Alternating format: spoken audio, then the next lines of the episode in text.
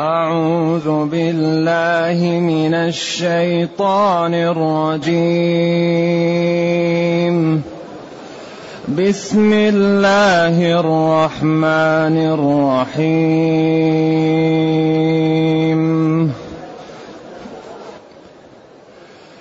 الحمد لله فاطر السماوات والأرض جاعل الملائكة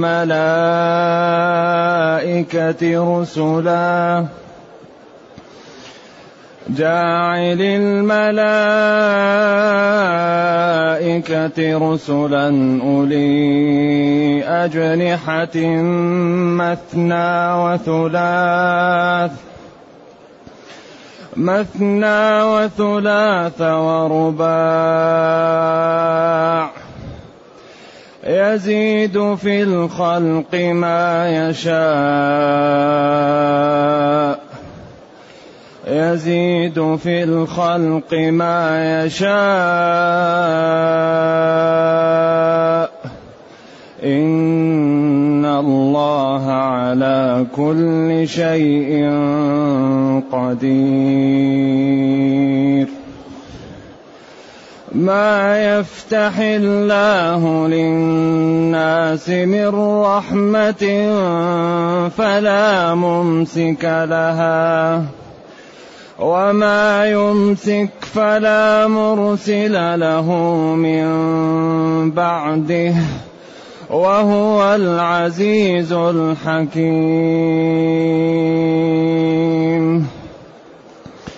يا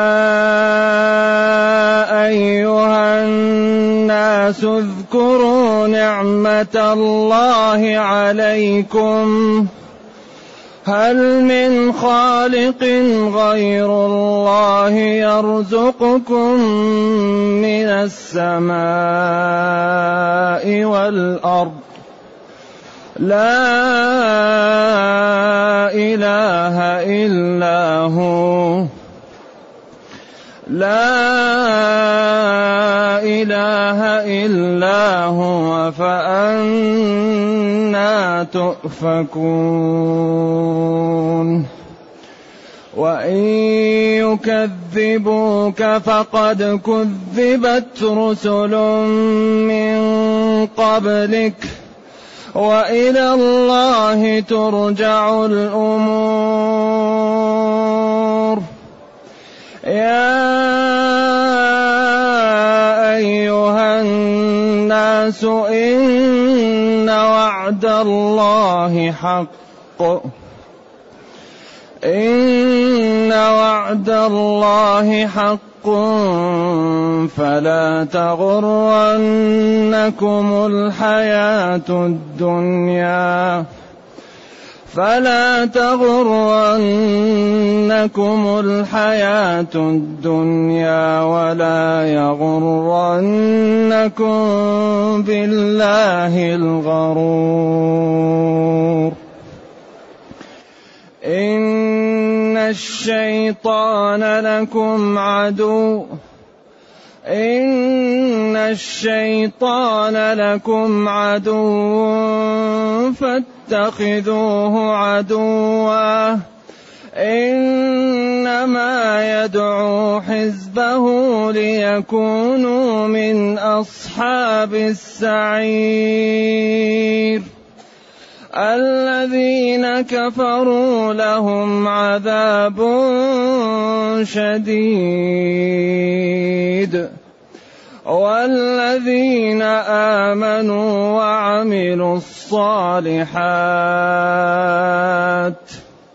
والذين آمنوا وعملوا الصالحات لهم مغفرة وأجر كبير. الحمد لله الذي أنزل إلينا أشمل كتاب. وأرسل إلينا أفضل الرسل وجعلنا خير أمة أخرجت للناس. فله الحمد وله الشكر على هذه النعم العظيمة والآلاء الجسيمة. والصلاة والسلام على خير خلق الله وعلى آله وأصحابه ومن اهتدى بهداه. أما بعد فإن هذه السورة تسمى سورة فاطر وتسمى سورة الملائكة. وهي مكية باتفاق. إلا أن فيها آيتين. قال بعض العلماء إنها مكية. إحداهما ثم أورثنا الكتاب الذين اصطفينا من عبادنا. وسميت فاطر لقوله الحمد لله فاطر. وسميت الملائكة لقوله جاعل الملائكة. وعلاقة هذه السورة بالسورة التي قبلها إذا تأملنا مع أن العلماء اختلفوا في الربط بين السور والعلاقة. فمن العلماء من قال كل آية وراء آية لها علاقة بها. علمنا ذلك أم جهلناه؟ ومن العلماء من قال القرآن نزل في مدد مختلفة وتمحل العلاقة بين الآية والآية. هذا لا ينبغي لأن الله علمه محيط بكل شيء ونحن علمنا قاصر عن كل شيء. فكيف من علمه محيط بكل شيء؟ يقول من علمه قاصر هذا لأجل كذا وكذا. ومن العلماء ونصر هذا الإمام محمد بن علي الشوكاني في تفسيره. ومنهم من قال إن ظهرت المناسبة قلنا بها وإن لم تظهر نسكت. والذي يظهر من القرآن كل آية وراء آية لها علاقة بها. ولذلك وضع القرآن معجز. ولذلك الآيات في السور توقيفية. والآيات ترتيبها مع بعض توقيفية وإن قال جلة من العلماء بخلاف ذلك. فكل شيء في القرآن توقيفي وكل شيء في القرآن معجز. لأنه هو معجز كيف ما يكون توقيفي وهو وضع معجز؟ ولذلك لو تأملنا الآيات السورة التي قبل هذه وهذه السورة لوجدنا أن الله قال في آخر سبأ ويقذفون بالغيب من مكان بعيد وحيل بينهم وبين ما يشتهون.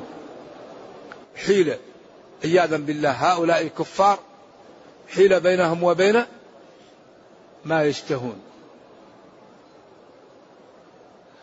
كما حيل بين الكفار السابقين وبين ما يشتهون كما فعل بأشياعهم من قبل. إنهم هؤلاء الذين وقعوا في هذه الورطة والمأزق إنهم كانوا في ضلال وكفر وشك من الدين مريب واضح. ثم قال الحمد لله فاطر السماوات والأرض الذي أهلك هذه الشريحة الفاسدة وأوقع بها. إذا هذه هي العلاقة بينهم أنه حمد نفسه وعلم خلقه كيف يحمدوه أن الله تعالى خلص البلاد والعباد من هذه الشريحة التي تكفر بالله وتقف في وجه دينه وهي شريحة سيئة. ولذلك لا يوجد أسوأ من الإنسان إذا كفر ولا يوجد أشرف من الإنسان إذا آمن واتقى. أشرف الخلق الإنسان إذا آمن واستقام. وأخس الخلق الإنسان إذا كفر. ثم رددناه أسفل سافلين إلا الذين آمنوا. إنهم إلا كالأنعام بل هم أضل. مثله كمثل الكلب إن تحمل عليه يلهث أو تتركه يلهث. ذلك مثل الذين ذلك مثل القوم الذين كذبوا بآياتنا. فاقصص القصص لعلهم يتفكرون. ساء مثلا القوم الذين كذبوا بآياتنا وأنفسهم كانوا يظلمون. إذا حمد نفسه وعلم خلقه أن يحمدوه على إهلاك هذه الشريحة الفاجرة الكافرة. الحمد لله الثناء بالجميل للمعبود بحق. الله هو المعبود بحق. والحمد هو الثناء بالجميل. وقال الطبري الحمد لله شكرا لله. جعل شكرا ما ناب عن المطلق من الحمد. والفرق بين الحمد والشكر أن الحمد يكون على الصفات الجميلة التي يتصف بها المحمود سواء أسدى لك معروفا أم لم يسده لك. والحمد لا يكون إلا باللسان ولكن يكون على النعم ويكون على الصفات الجميلة التي اتصف بها صاحبها ولو لم يسد لك معروفا.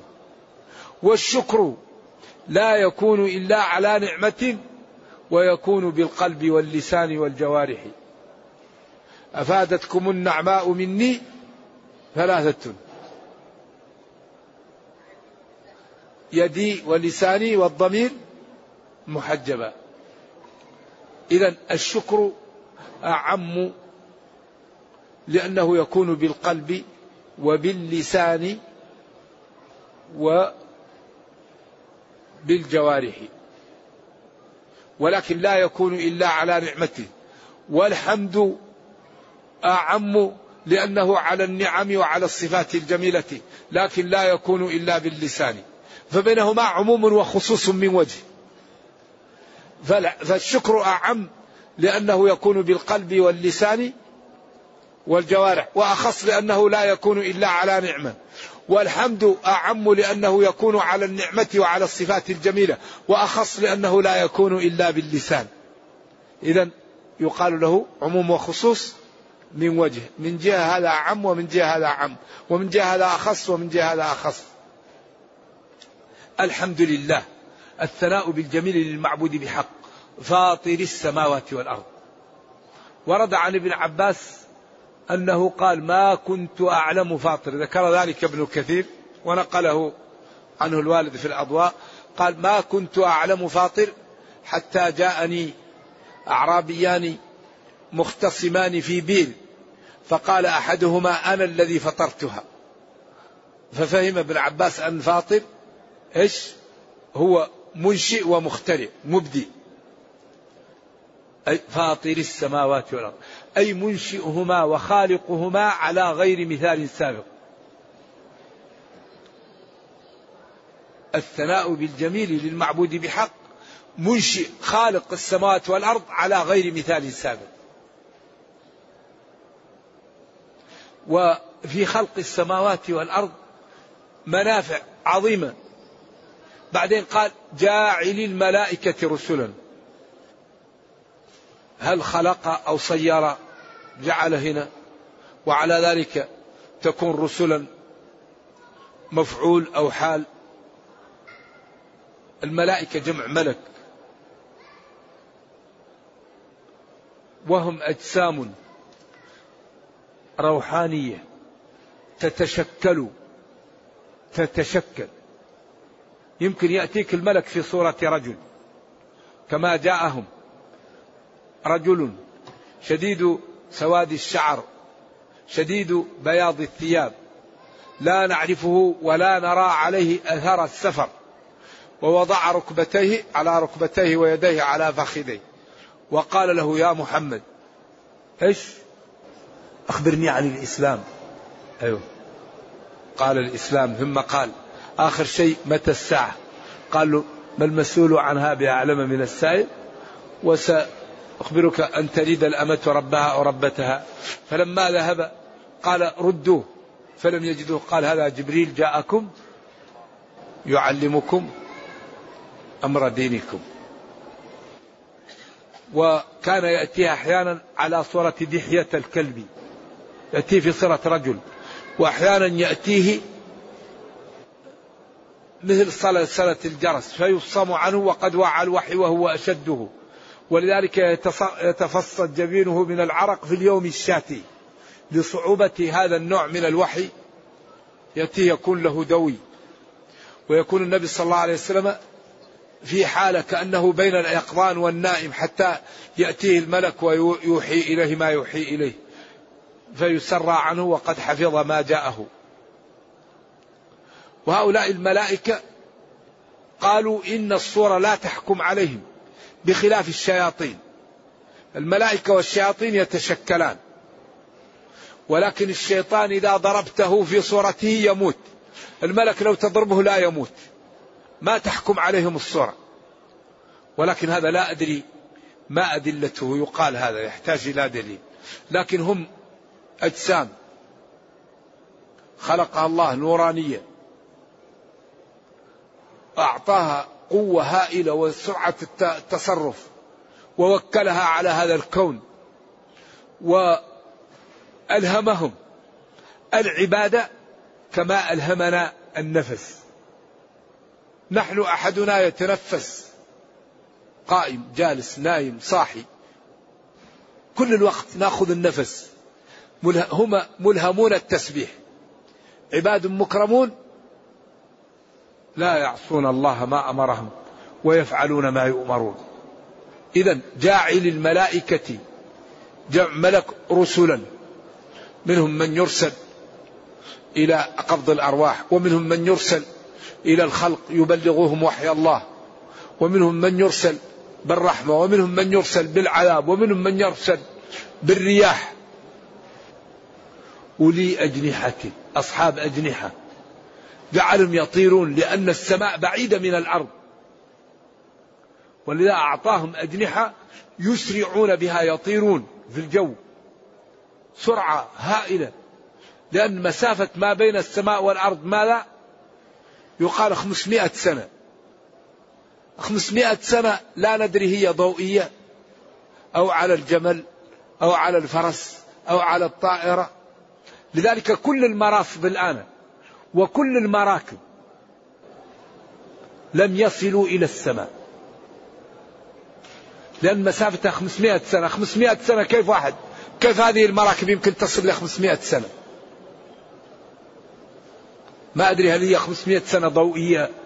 ولذلك الله يقول وما أوتيتم من العلم إلا قليلا. فكل المراصد وكل المراكب وكل الفلكيين وكل العالم بين رجلين.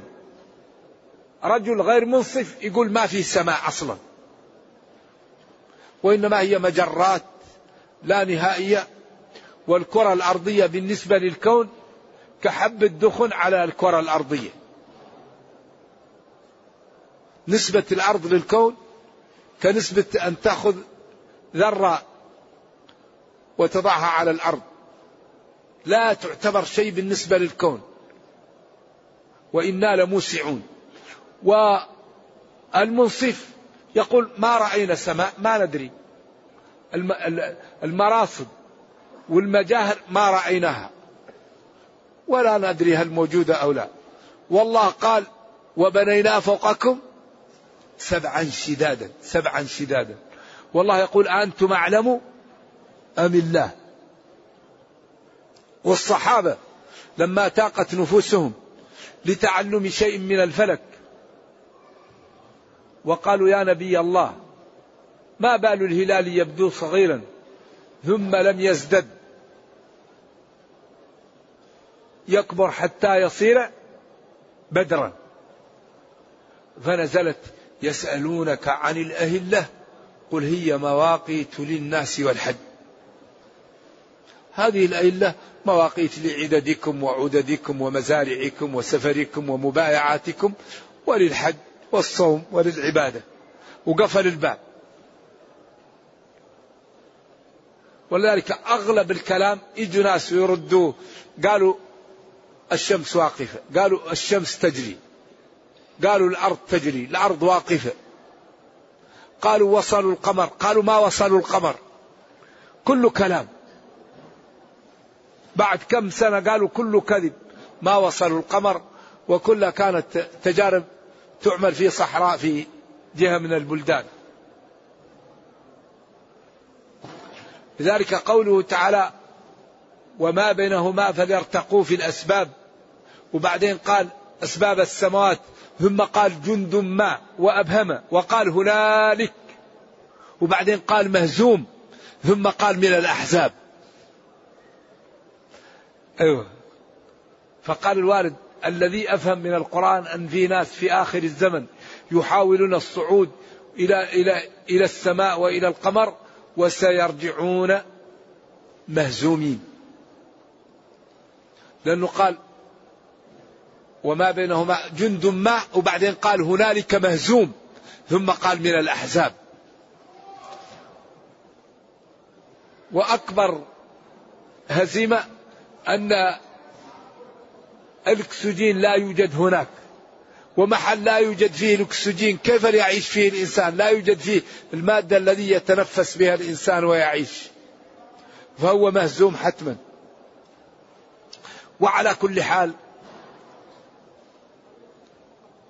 كما ذكر الوالد في سورة الفرقان قال إن وصلوا إلى القمر ففهمنا في القرآن خطأ. لأن القرآن لا يأتيه الباطل من بين يديه ولا من خلفه وأفهامنا عرضة للخطأ فإن وصلوا إليه فهذا يعني أننا كنا فهمنا خطأ. وأما القرآن فلا يمكن أن يخالف حقيقة. إذا أي حقيقة قال بعض العلماء بخلافها ففهمه هو اللي غلط. أما القرآن لا يأتيه الباطل أبدا. فلنعلم أن القرآن معجز ومحفوظ من الخطأ. لكن قد بعض العلماء يقول في الآية قول فإذا ظهر خلاف ما في الآية فذلك من فهم العلماء لا من القرآن. فليعلم ذلك. ولذلك هذا الكتاب لا توجد فيه قضية غلط.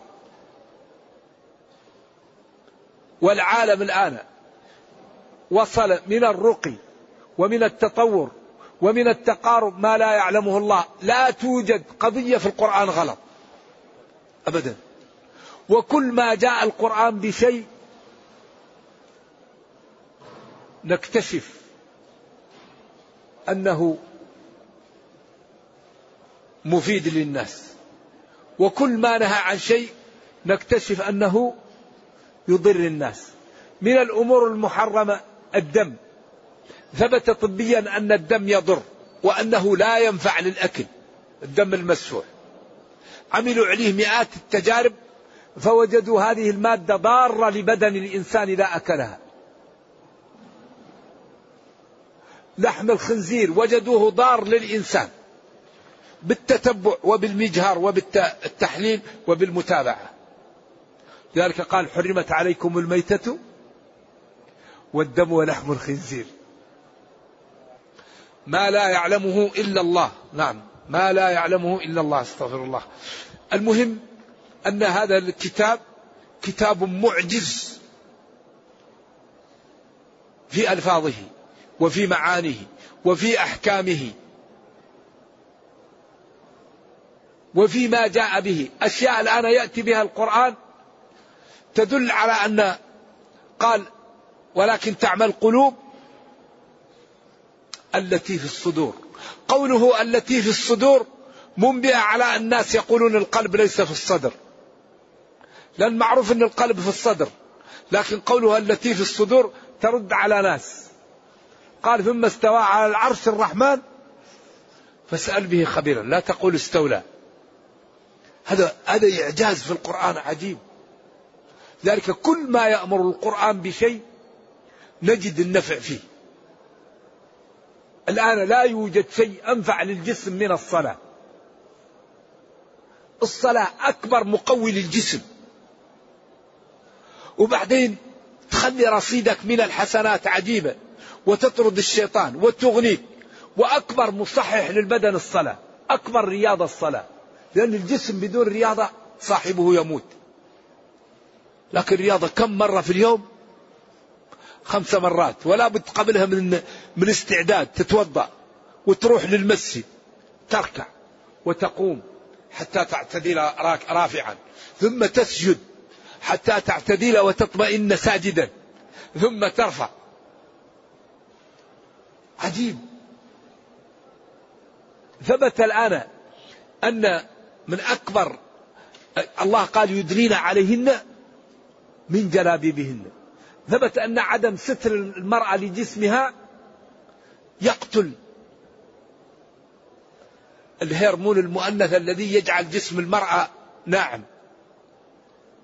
فإذا كشفت المرأة جسمها ماتت الأنوثة وطلعت مادة الذكورية فكثر الشعر وكثرت العضلات فأصبحت المرأة لا تشتهى فأصبحت بدون أولاد وبدون زوج وضاعت. ذلك الله قال يدرين عليهن من جلابيبهن. ذلك أدنى أن يعرفن فلا يؤذين وأن يحتفظن بأنوثتهن وبجمالهن. كل ما يأمر الإسلام بشيء نجد الآن نكتشف في الآن.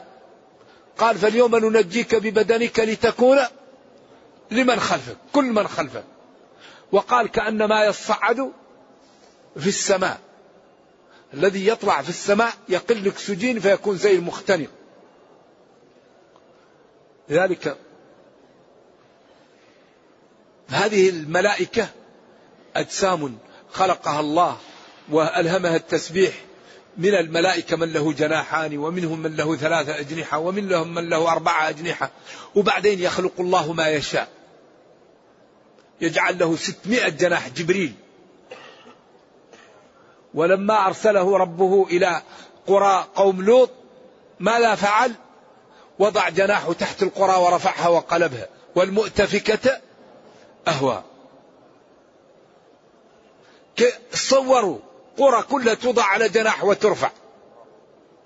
ما ما يمكن يدركه العقل. يخلق من الناس من يعطيها الله جمال الصورة ومنهم من يعطيه التقى ومنهم من يعطيه الكرم. ومنهم من يعطيه الشجاعة ومنهم من يعطيه حسن الخلق ومنهم من يعطيه كل هذه الأمور. كنبينا أعطي الشجاعة وحسن الصورة وحسن الخلق وحسن النسب والكرم والفضل والتأني والتوأدة. ولذلك قال له ربه وإنك لعلى خلق عظيم يخلق الله ما يشاء. ومنهم عياذا بالله من يكون نرجو الله السلام والعافية مثل السبخة. كل ما جلست معه أذاك. إما رائحة كريهة أو كلمة كريهة ولذا الحديث المعجز إن الجليس الصالح كما لا كبائع المسك. هذا عجيب الطيب. وجليس آه، يعني السوء كنافخ الكير لا إله إلا الله. هذا المثال من جوامع الكلم بس الآن أروح لنافخ الكير وقف جنبه. تجد أنك إما أن تأتيك شرارة أو تأتيك رائحة تؤذيك. تذهب لصاحب الطيب إما أن تأخذ منه أو تشتري أو تشم رائحة طيبة. ولذلك الله خلق الناس هكذا. يخلق الله ما يشاء. إن الله يزيد في الخلق ما يشاء. من يعطيه جمالا وحسنا وقوة ورفعة. ومن الملائكة من يعطيه ستمائة جناح. إن الله على كل شيء قدير. ما أراده نفذه جل وعلا. ما يفتح الله للناس من رحمة فلا ممسك لها. وما يمسك فلا مرسل له. إذا أليس من السفة أن يطلب من غير الله؟ أليس من السفة أن يرجى غير الله؟ ما يفتح الله للناس من رحمة. مطر خصب تقى علم عافية تآلف ازدهار.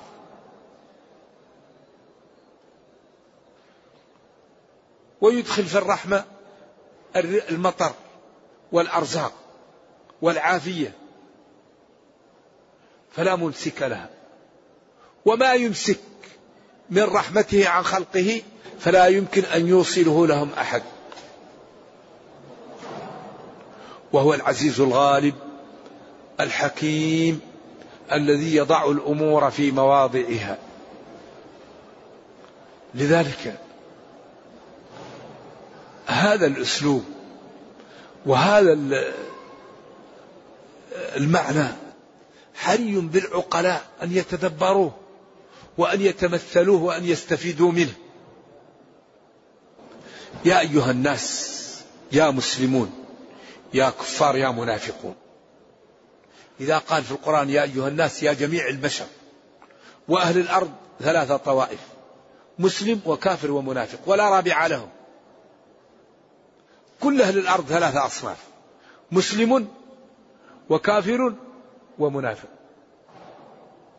هذه قسمة استقرائية. يا أيها الناس اذكروا نعمة الله عليكم بألسنتكم وقلوبكم وبشكركم لها. وبتأملكم. هل من خالق غير الله؟ هل استفهام بمعنى النفي؟ هل من خالق غير الله؟ هل من خالق غير الله؟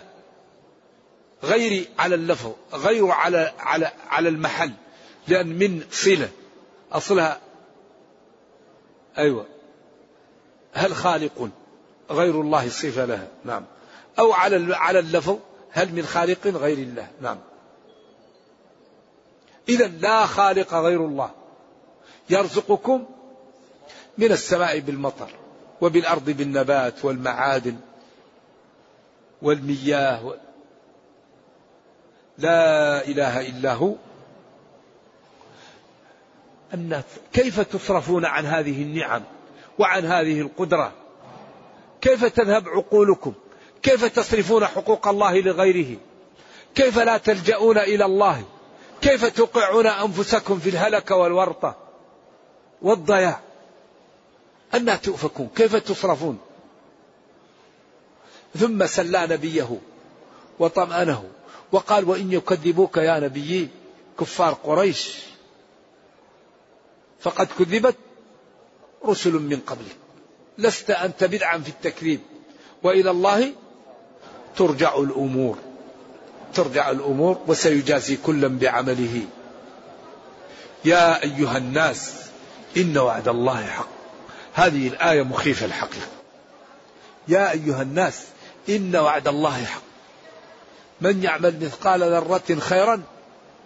يره ومن يعمل مثقال ذرة شرا يره للذين أحسنوا الحسنى. والذين كسبوا السيئات جزاء سيئة إن وعد الله حق. موعود وما أخبر به وما قال يعمل حق. ولأجل ذلك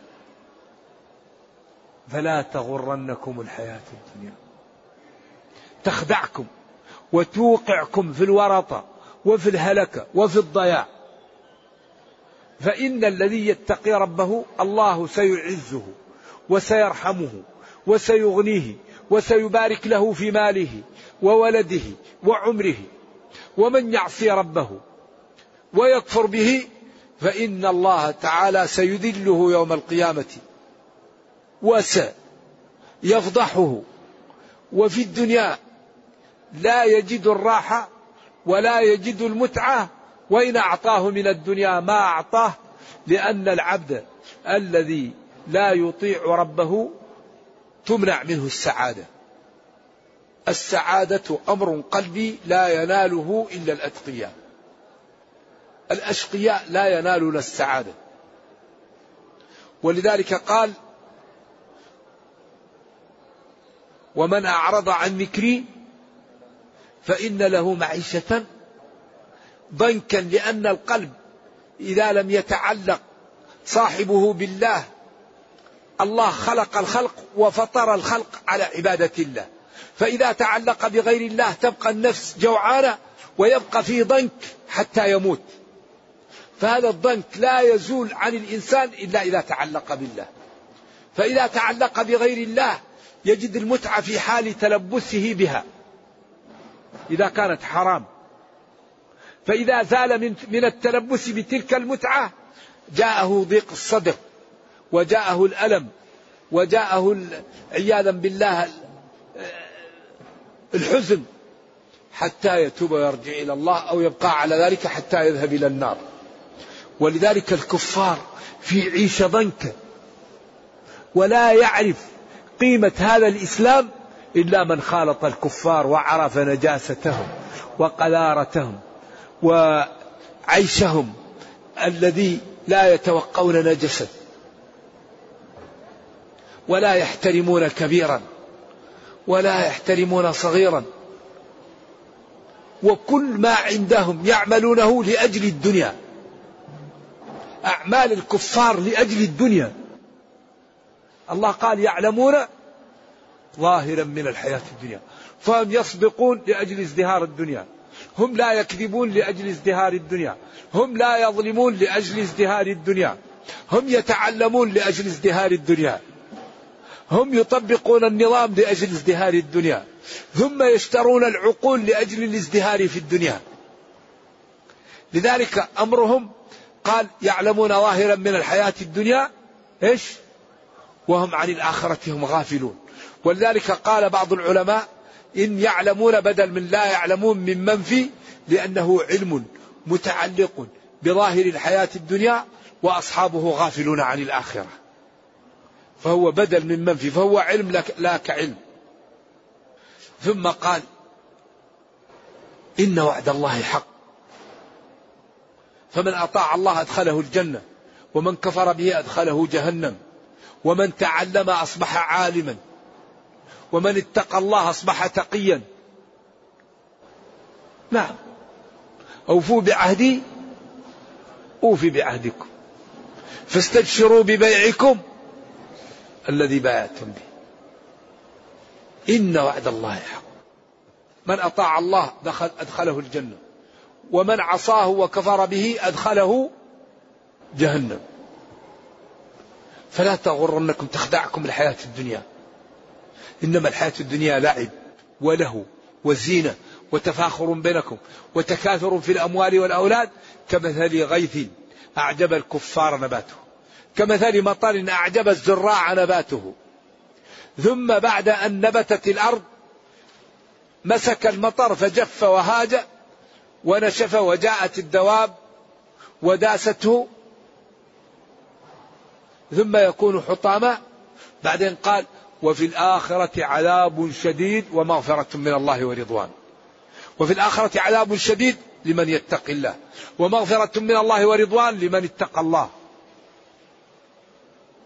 إذا لا تغرنكم الحياة الدنيا ولا يغرنكم بالله الغرور الشيطان.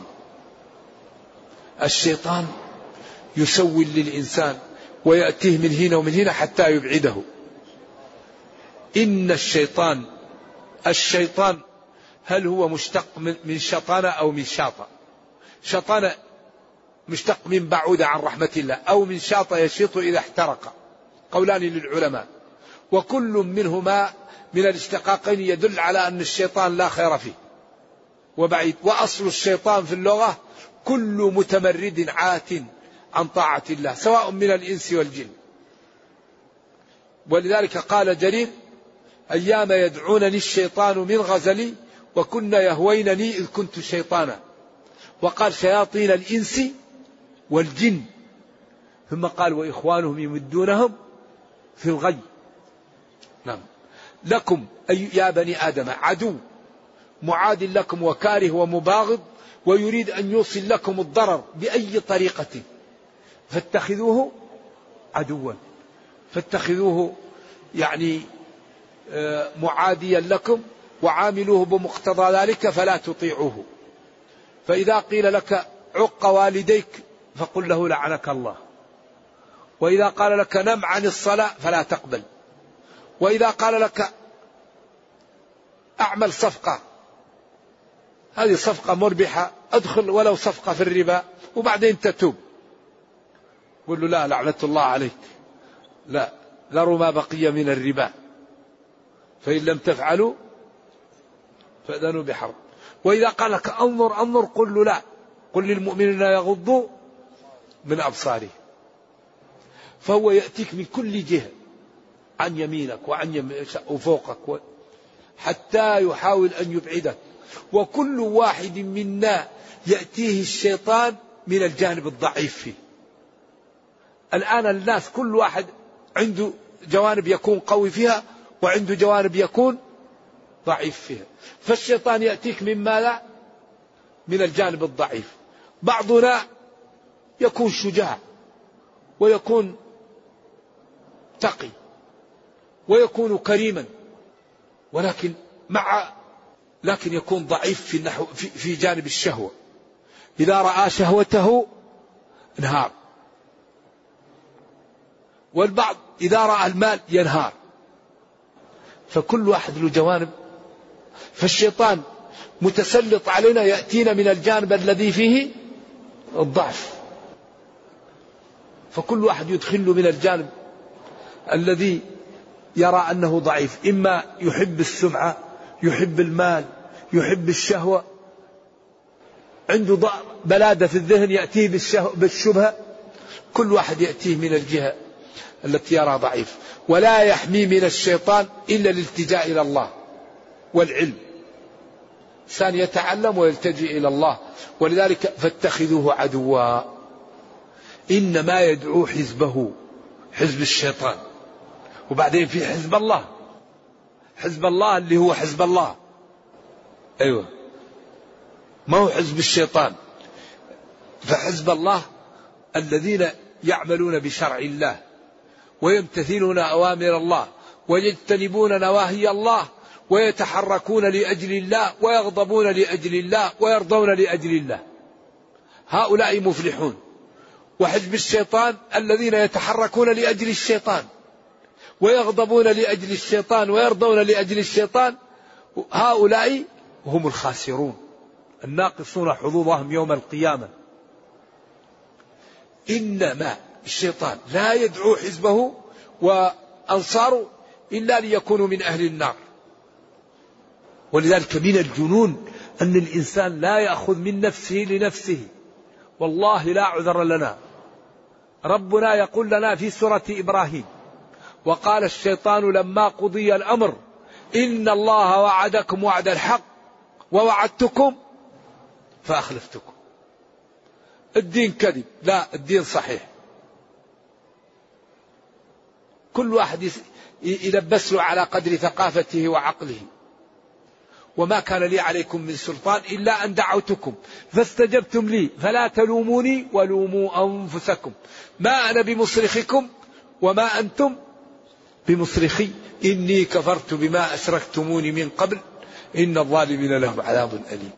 أبعد هذا. عاقل يطيع الشيطان. أبعد هذا. عاقل يجعل الشيطان أستاذه يجعل الشيطان قدوته. والله لا عذر بعد هذا. لذلك ينبغي لنا أن نجتهد وأن نجد ولذا ما أردناه يعطيه لنا ربنا. ما الذي نريد؟ إنه كريم إنه قادر إنه لا يضيع أجر من أحسن عملا. إنه ينصر من نصره إنه يدفع عن أوليائه. ما الذي نريد؟ إن أردنا الدنيا أغنانا وإن أردنا الآخرة رحمنا وإن أردنا العزة أعزنا وإن أردنا الرفع رفعنا وإن أردنا الدفع دفع عنا. لكن نكون عبيد لله. نكون عبيد لله. حقيقة نرضى لأجل الله ونغضب لأجل الله. ونتكلم لأجل الله ونسكت لأجل الله ونقوم لأجل الله ونقعد لأجل الله فنكون من عباد الله فما أردناه أعطاه لنا الله. لأنه كريم وقادر وغني ولا يضيع أجر من أحسن عملا ولا ينصرن الله من ينصره إن الله يدافع عن الذين آمنوا. إن عبادي ليس لك عليهم سلطان. ادعوني أستجب لكم. ما الذي نريد؟ ينبغي أن نأتي الطريق من بابها. نكون عبيد لله. ونعرف ماذا أوجب الله علينا وماذا حرم علينا. ونمتثل الأوامر ونجتنب النواهي وما أردناه يعطيه الله لنا. فلنجرب. إذا جربنا. والله إن الله تعالى لا يخلف الميعاد. أوفوا بعهدي أوفي بعهدي. لكن المشكلة المسلم أكبر مشكلة نعيشها التسويف. كل شيء نسوف بكرة بكرة بكرة. وبعدين إن شاء الله وبعدين نبدأ نحج بعدين نبدأ نعمل جدول لحفظ القرآن بعدين نبدأ نعمل جدول مع والدي لنرضيهم نعمل جدول مع جيراني. أبدأ من الآن لا تسوف. لا تؤخرن عمل اليوم لغدي كل شيء أعمله في وقته حتى تنتج وحتى يكون لك عمل. أما بكرة بكرة يضيع الوقت. قالوا كل شيء يمكن يعوض إلا الوقت.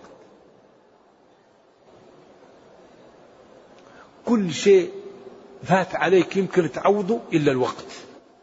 لا يمكن يعوض الوقت. لأنك هذا الوقت الذي ضاع عليك. لو اجتهدت في الوقت الثاني يمكن تجتهد في الوقت الثاني وتكون استغليت هذا. قالوا الوقت لا يعوض أبدا. ما يمكن تعوض وقت فات. لأنك الوقت اللي فات إذا اجتهدت يمكن تكون اجتهدت وعملت في الأول. فما يمكن يعوض الوقت. لذلك ينبغي أن نهتم بأوقاتنا ولا نضيعها. ثم جاء بختم ما يتكرر في القرآن كثير. الذين كفروا لهم عذاب شديد. والذين آمنوا وعملوا الصالحات لهم مغفرة وأجر كريم. هذا الذي يدور عليه القرآن أجر كبير. الذين كفروا الذين كفروا لهم عذاب شديد. والذين آمنوا وعملوا الصالحات لهم مغفرة وأجر كبير هذا ثقل في الآية. هذه الآية فيها ثقل المعنى لأن هذا المعنى يدور عليه القرآن. هو الأساس. إذا النتيجة ما هو؟ النجاة النجاة. الذين كفروا لهم عذاب شديد. كلما نضجت جلودهم بدلناهم جلودا غيرها. والذين آمنوا بالله تشمل 11 جملة وعملوا الفعالات الصالحات من غض بصر وكف أذى وإكرام جيران وإنفاق على الأيتام والرميلات وإصلاح ذات بين ومساعدة الضعاف والتغاضي عن زلة الإخوان. عمل الصالحات من أكبر الصالحات حسن الخلق. ينال به الرجل درجة الصديقين. وحسن الخلق ثلاثة جمل كف الأذى وبذل المعروف وطلاقة الوجه. الصالحات تكف أذاك تبذل المعروف. إذا رأيت أخاك تهش في وجهه وتفرح له. وإذا طلبك ما عندك تنفذ طلبه وإذا أخطأ عليك تسامحه. والذين آمنوا وعملوا الصالحات لهم مغفرة ستر لذنوبهم وأجر كبير الجنة. فيها ما تشتهيه الأنفس وتلذ الأعين وأنتم فيها خالدون. نرجو الله جل وعلا أن يرينا الحق حقا ويرزقنا اتباعه وأن يرينا الباطل باطلا ويرزقنا اجتنابه وأن لا يجعل الأمر ملتبسا علينا فنضل. اللهم ربنا أتنا في الدنيا حسنة وفي الآخرة حسنة وقنا عذاب النار. اللهم اختم بالسعادة آجالنا وقرم بالعافية غدونا وآصالنا واجعل إلى جنتك مصيرنا ومآلنا يا أرحم الراحمين. سبحان ربك رب العزة عما يصفون. سلام على المرسلين والحمد لله رب العالمين. والسلام عليكم ورحمة الله تعالى وبركاته.